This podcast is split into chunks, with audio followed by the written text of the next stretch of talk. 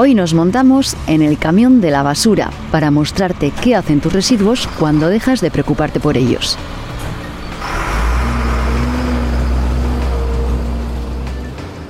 Soy Eider Hurtado y te invito a descubrirlo en El Cambio, un podcast producido para ITV Podcast.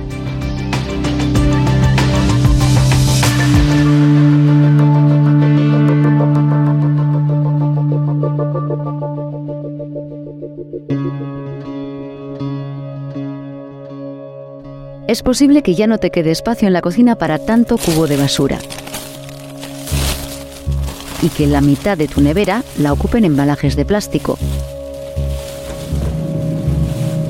Reciclamos, pero consumimos a tal ritmo que es imposible acabar con todos los residuos que generamos. No va a haber gestores de residuos en el planeta que puedan gestionar el residuo que hemos ido consumiendo en los últimos cinco siglos. Concienciarnos de, de que el reciclaje es algo necesario. No nos parece justo. Los expertos y expertas consultadas coinciden. Los residuos de aparatos eléctricos y electrónicos es una de las amenazas del futuro.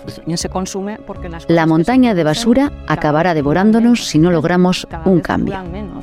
Acabaremos no siendo responsables de los residuos que nosotros generamos. Que parte de la mierda que no tenemos para nosotros la estamos mandando por barco a África. Así que vamos a bajar el ritmo y a buscar alternativas.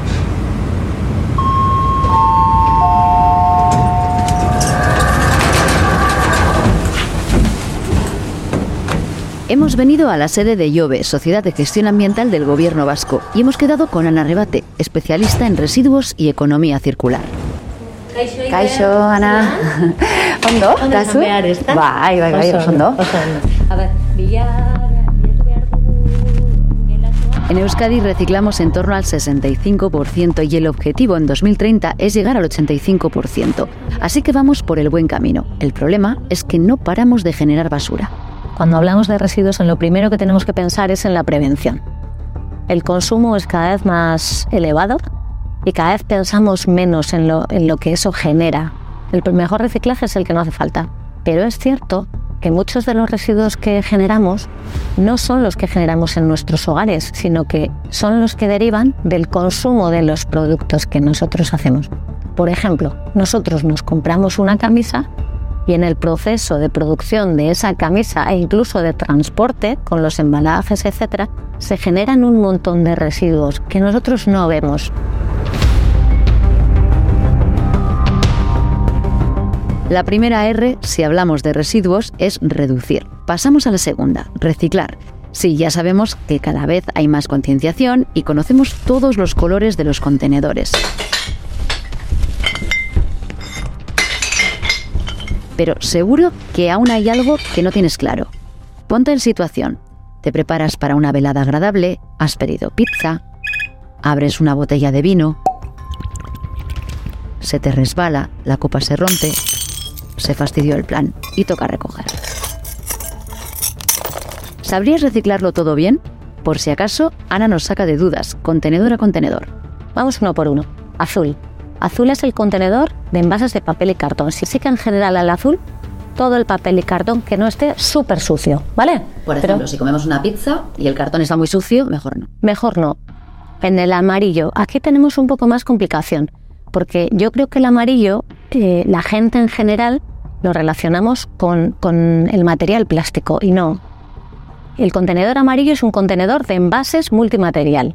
¿Vale? ¿Eso qué significa? Que acoge envases de plástico, eh, de aluminio, latas de bebidas, las latas de atún, pero en el amarillo también van algunas cosas curiosas que son envases y que a veces igual eh, no los asociamos con envases. Por ejemplo, el papel albal.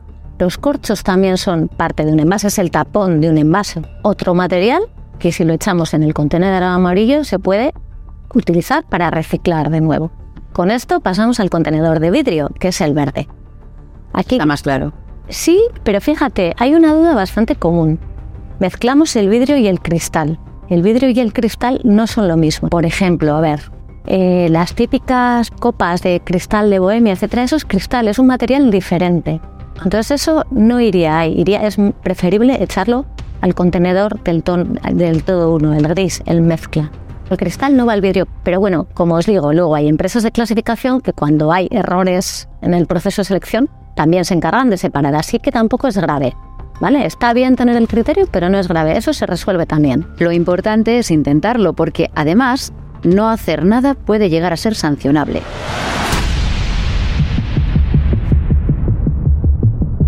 En algunos países ya se penaliza no reciclar. ¿Podríamos llegar aquí a ese punto? Yo le daría la vuelta, fíjate. Eh, yo más bien pensaría en cómo podemos premiar a aquellos que lo hacen bien. Por ejemplo, hay un instrumento económico que se llama pago por generación, que lo que hace es cobrar más la tasa de basuras a aquellos que generan más residuos de los que van a reciclar. Es decir, o que no han separado bien o que están generando mucha cantidad. Entonces, tu tasa de basura tiene que ver con esa cantidad no reciclable. Este es un instrumento, el pago por generación, que ya está extendido en algunos países de Europa y este año precisamente ha salido una nueva ley que incluye la obligatoriedad de incluir este instrumento para todos los municipios en el Estado español. Un instrumento que se incluirá en 2025, así que es una realidad que está a la vuelta de la esquina. Los expertos, como Unai Tamayo, investigador de la Universidad del País Vasco, lo tienen claro. Tenemos que pensar bien lo que vamos a consumir. Hemos de pensar en no generar residuo, en comer lo que echamos al plato. Hemos de pensar antes de hacer la compra, qué vamos a comprar en función de lo que vamos a comer. El residuo orgánico, si no es bien tratado, genera metano, lo cual pues también es ciertamente o altamente contaminante. Nuestro consumo, tu basura y la mía, están asfixiando a parte del planeta, literal, y el principal problema son los residuos electrónicos, que no paran de crecer. Según Naciones Unidas, generamos alrededor de 50 millones de toneladas de basura electrónica al año, que acaban en lugares de África, Asia o Latinoamérica, convertidos en peligrosos y contaminantes vertederos.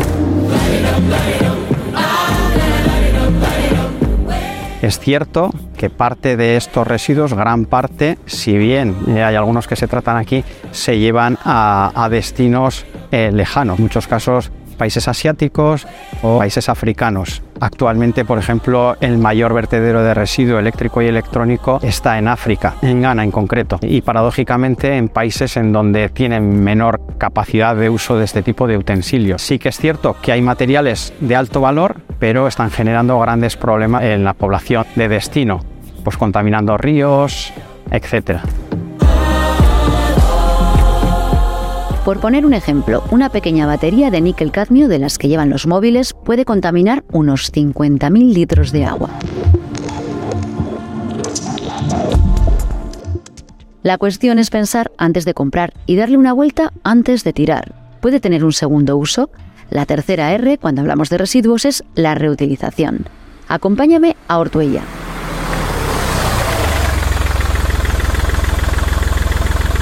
Hemos venido al barrio de Orconera, donde encontramos plantas de reciclaje y reutilización de electrodomésticos.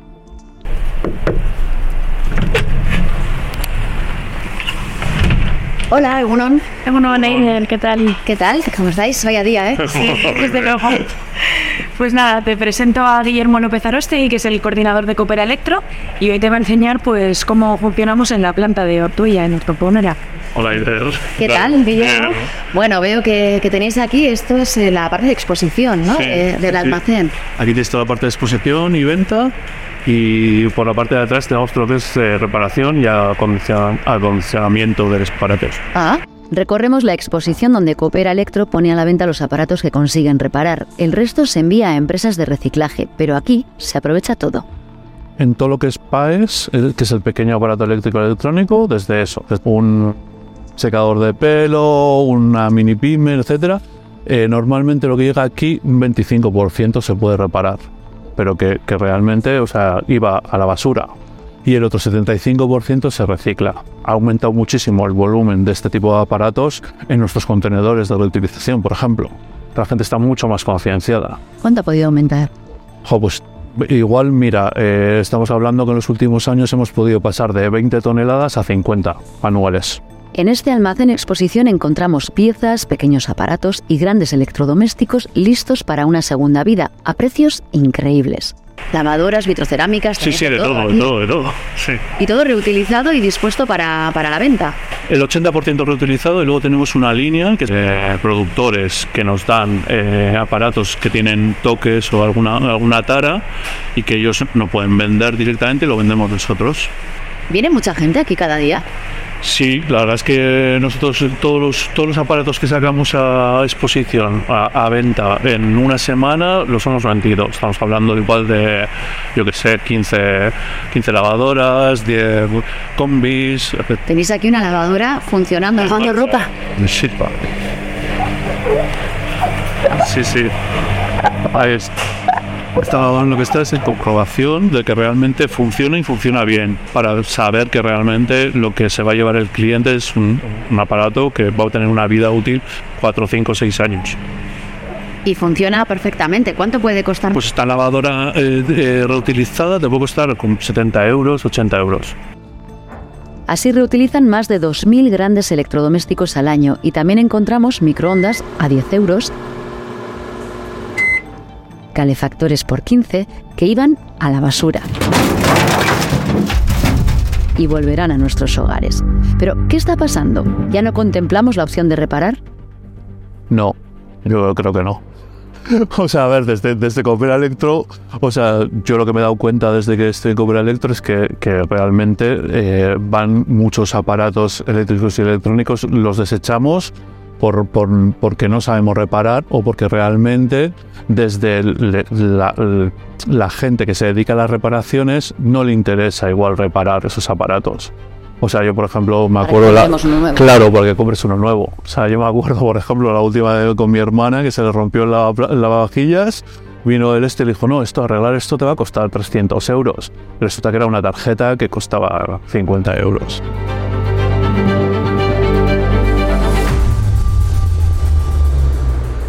Ante la estrategia clara de vendedores que crean productos que se estropean antes, el Parlamento Europeo ha aprobado una nueva normativa que garantice el derecho a reparar. Porque sí, la obsolescencia programada, la estrategia de crear productos con una vida útil más corta, es una realidad. Es muy fácil verlo en nuestras casas. Tú coges eh, un aparato electrónico, una cafetera de las que te compras hoy en día y no tiene nada que ver con una cafetera de las que te comprabas hace 10, 20 años. La durabilidad es mucho menor, son mucho más frágiles enseguida se borran los logos para que tú ya tengas una percepción de que el producto es viejo y te deshagas de él y le sustituyas por uno nuevo. Son estrategias de marketing y venta. Eso es una realidad que todos podemos comprobar día a día. Sin embargo, es cierto que también la Comisión Europea se ha dado cuenta de eso. Se está viendo la problemática de los residuos de aparatos eléctricos y electrónicos y se está incluyendo eh, normativas que hagan que esto sea cada vez más difícil. Con la aprobación de nuevas medidas que obliguen a los fabricantes a crear productos que puedan ser reparados, deberíamos practicar un consumo más responsable. Desde luego, este nuevo paso es un avance para las personas consumidoras, según reconocen desde asociaciones como la OCU. Significa, bueno, pues algo como muy satisfactorio para las personas consumidoras y usuarias, puesto que de 5 años pasan a ser 10 años entre los que los fabricantes tienen que mantener esas piezas de repuesto. Otra de las novedades de esta normativa es que la garantía pasó a ser de 2 a 3 años. Un teléfono móvil y lo compramos en una tienda, aparte de la garantía de fábrica, de esos 3 años tendrán, eh, tendremos otro año más con la tienda. ¿no? Eso dependerá del convenio que tenga el fabricante con el establecimiento. Crece la conciencia apoyada en normativa que penaliza. Lo hemos visto con el plástico, con nuevos impuestos al plástico de un solo uso o el cobro por bolsas de ese material hasta el punto de que proyectos pioneros que animaban a vivir sin plástico han muerto de éxito. Es la historia de nuestro siguiente protagonista. Hola Javier, soy Eider. Bueno, Eider, adelante. Javier Barrios fundó hace más de una década el proyecto Sin Plástico, que puso en marcha la primera tienda online de Europa que ofrecía productos de residuo cero. Hola, bueno, Javier, ¿qué tal? Bien. Y hablo en pasado porque tuvieron que echar la persiana.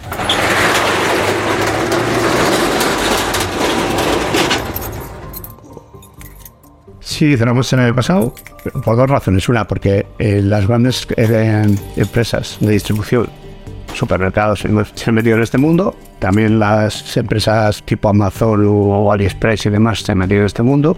Contra esos, obviamente, no puedes competir nuestros productos estaban hechos localmente, ¿vale? pero no hemos cometido algo de China que vale la mitad de la mitad de la mitad. Eso por un lado. Y luego por otro lado, después de la pandemia, mucha gente que se fue a vivir al campo porque vio que en el piso que vivían ni tenía terraza ni muchas veces luz ni nada. Claro, una vez que estás en el campo y buscas qué puedes hacer, muchas de las eh, salidas han sido montar una tienda online y muchas, obviamente no todas, pero muchas de las tiendas online que se montaron eran como la nuestra, Residuo Cero y demás. Y muchos incluso nos llamaban, porque nosotros a la vez de tienda montamos en su día una distribuidora, fabricábamos productos, lo que no podíamos conseguir lo fabricábamos directo. Bueno, pues como teníamos una distribuidora, sabíamos las tiendas que se, que se creaban. Y de repente es que fue como de un mes para otro, a ver 50 nuevas. Lo eco está de moda, aunque hay que saber diferenciar entre tanto greenwashing, el barniz ecológico con el que muchas empresas y marcas pretenden vendernos como sostenible lo que no es. Pero, ¿cómo hacemos para no caer en la trampa? ¿Se puede realmente vivir sin plástico? Se puede vivir sin plástico en un 85-90%. La idea no es ir en contra del plástico, sino es ir en contra del plástico que se ha de tirar. Parece fácil, se trata de eliminar todo ese plástico que usamos durante unos minutos y tardará toda la vida en eliminarse. Porque el plástico se está apoderando del planeta. Ya hay siete inmensas islas de plástico. La más grande triplica el tamaño de Francia. Hemos creado un nuevo continente de basura.